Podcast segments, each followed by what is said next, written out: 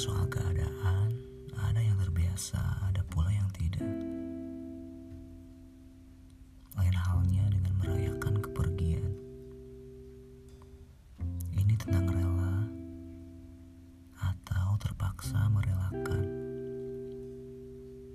Tidak ada pesan yang bisa ditarik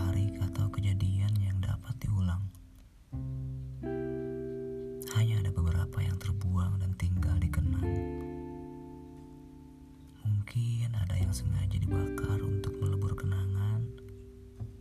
Siapa tahu asapnya bisa menolong di masa depan. Tapi kita masih punya semoga.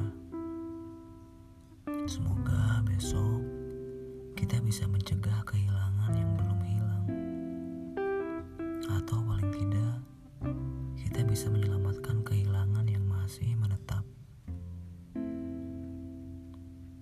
Semoga besok kita bisa mengambil kesempatan sebaik-baiknya.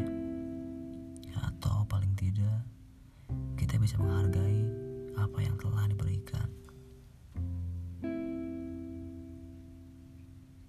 Jika masih ingin menangis, menangislah dulu.